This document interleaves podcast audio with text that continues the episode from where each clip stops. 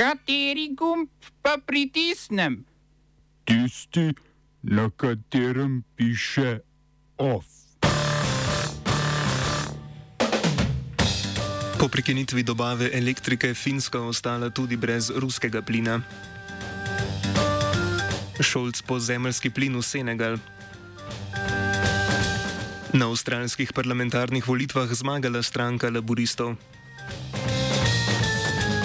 Opozorilna stavka novinarjev Radio Televizije Slovenija. V kreativni inšpekciji trafika muzej za enega ob glavnem mostu v Mariboru.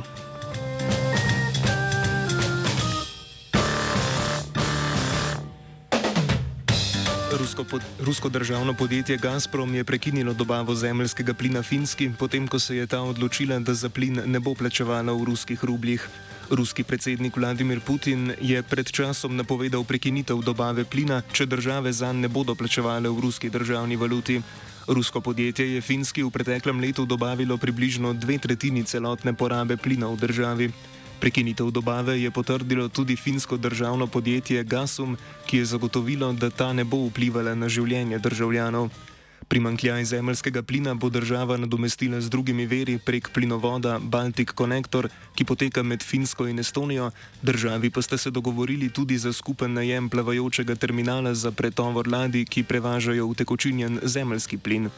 Finska sicer ni edina država brez dobave ruskega plina, Rusija je že ustavila dobavo tako Polski kot Bolgariji.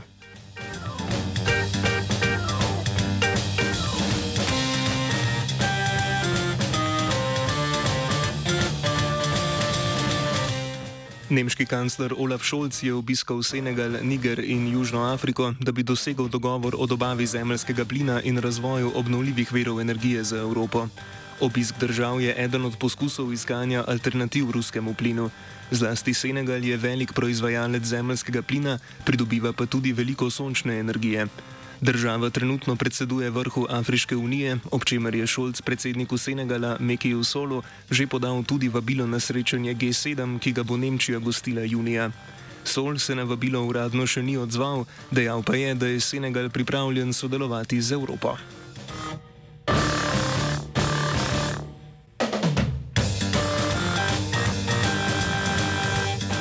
V Istanbulu potekajo protesti v podporo opozicijski političarki Džanan Kaftanđulu, vodi istambulske veje sekularne republikanske ljudske stranke CHP. Kaftanđulu je bila obsojena zaradi žaljenja trenutnega predsednika Recepa Tajpa Erdogana in turške države ter širjanja teroristične propagande. Obtožbe so povezane s protivladnimi protesti v parku Gezi, ki so potekali leta 2013 in z domnevnim sodelovanjem s kurdsko delovsko stranko, krajše PKK.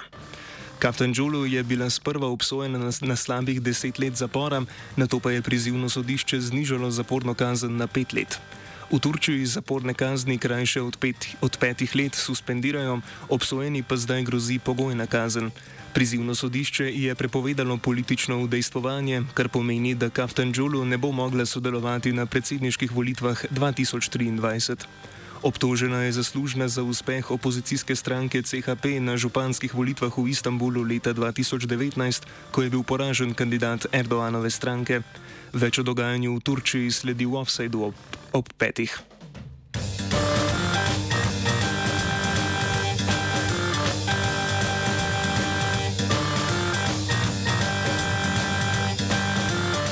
Izrael je zavrnil vstop vodje delegacije Evropskega parlamenta za odnose s Palestino.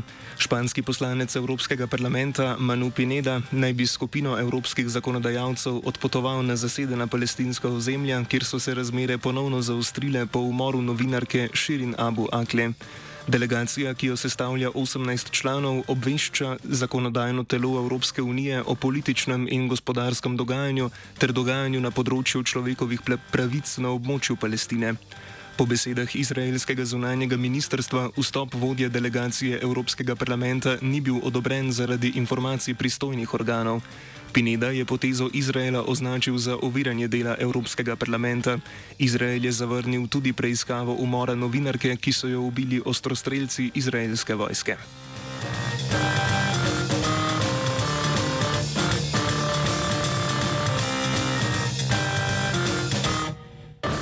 Na sobotnih avstralskih parlamentarnih volitvah je zmagal Anthony Albanese, predsednik laboristične stranke. Laboristi so si z izidom volitev zagotovili 75 sedežev v parlamentu, zgolj enega manj od 76, ki jih potrebujejo za absolutno večino. Liberalno-nacionalna koalicija pod vodstvom dosedanjega predsednika vlade Scotta Morrisona je zbrala le 58 sedežev. Po en sedež v parlamentu sta si zagotovili stranki Sredinsko zavezništvo in skrajno desna avstralska stranka. Neodvisne stranke, ki se zauzemajo za boj za podnebno pravičnost, so dobile deset sedežev, zelena stranka pa pet.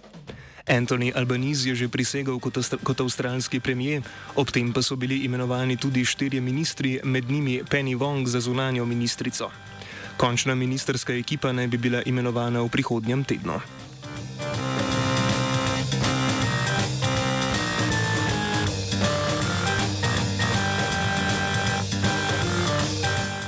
Albanese se je po zaprisegi v spremstvu Wong podal v Tokio, kjer se bodo sestali voditelji držav članic partnerstva Quad, v katerem so poleg Avstralije še ZDA, Japonska in Indija. Beseda bo tekla zlasti o vojni v Ukrajini in pridružitvi Indiji v mednarodno skupnost v sankcijah proti Rusiji. Oba, če, če bom odgovoril na angliški. Uh, uh, Slovenija bo poskušala pomagati. Slovenija bo naredila svoj utmost, da bo rekla, da je situacija naš problem, sami. In da bomo naredili nadaljnje korake, as soon as the conditions are. Bomo vlado Marjana Cererera Šarca podprli. Zelo, zelo resno. Slovenija. We know how and we will. Novinarji iz koordinacije novinarskih sindikatov javne radio televizije Slovenija opozorilno stavkajo. Zahtevajo novinarsko avtonomijo in socialni dialog, če dogovor ne bodo dosegli do konca maja, pa tudi odstop generalnega direktorja zavoda Andreja Graha Vatmoja in predsednika programskega sveta Petra Gregoriča. Med zahtevami, ki so jih izrazili, so tudi umik škodljivih sklepov programskega sveta, dogovor o kadrovski politiki in dvig najnižjih plač na RTV. Zbrane je nagovorila predsednica generalnega vodstva stavkovnega odbora koordinacije novinarskih sindikatov RTV Slovenija Helena, Helena Milenkovič. Naša prva in glavna zahteva je novinarska in uredniška avtonomija, depolitizacija javnega RTV-ja. Čez dve uri bo zasedal znova programski svet, kjer lahko pričakujemo, Uh, ponovno, da bodo razpravljali o nas in konkretno o tem dogodku. Že nekaj časa opozarjamo na nevzdržne kadrovske razmere, številni so odšli, številni so bili premeščeni, številnim se grozi.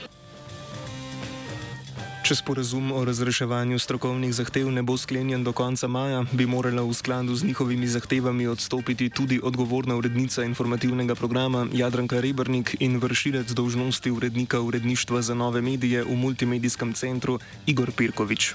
Radijske, televizijske in spletne vsebine sicer ne bodo okrnjene, bodo pa prilagojene vsebini stavkovnih zahtev. Razmere v multimedijskem centru, krajše MMC, v imenu uredništva komentira Ana Jurc. Tudi MMC si stavkamo, ker sta naša novinarska in uredniška avtonomija resno ogroženi.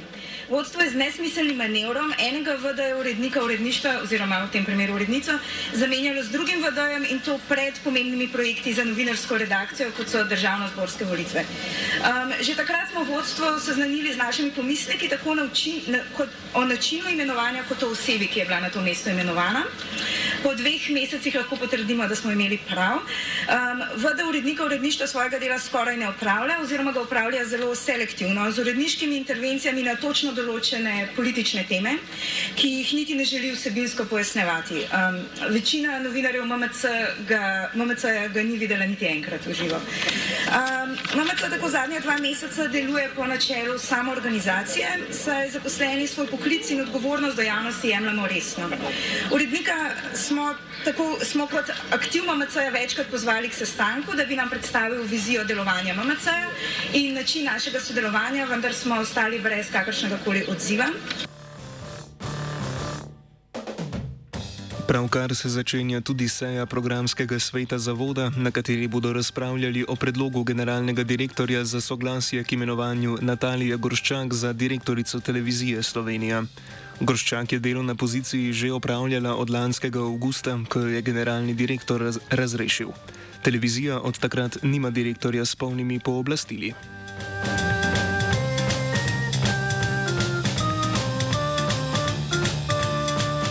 Po prvih neuradnih rezultatih notranjega referenduma stranke Levica o vstopu stranke v vlado Roberta Goloba je bil vstop v vlado podprt z 91 odstotki glasov.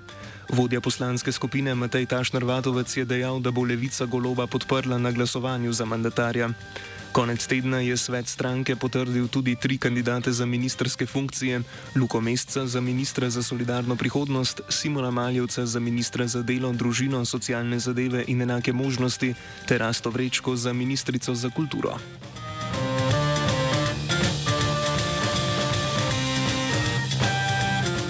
OF je pripravila Tija.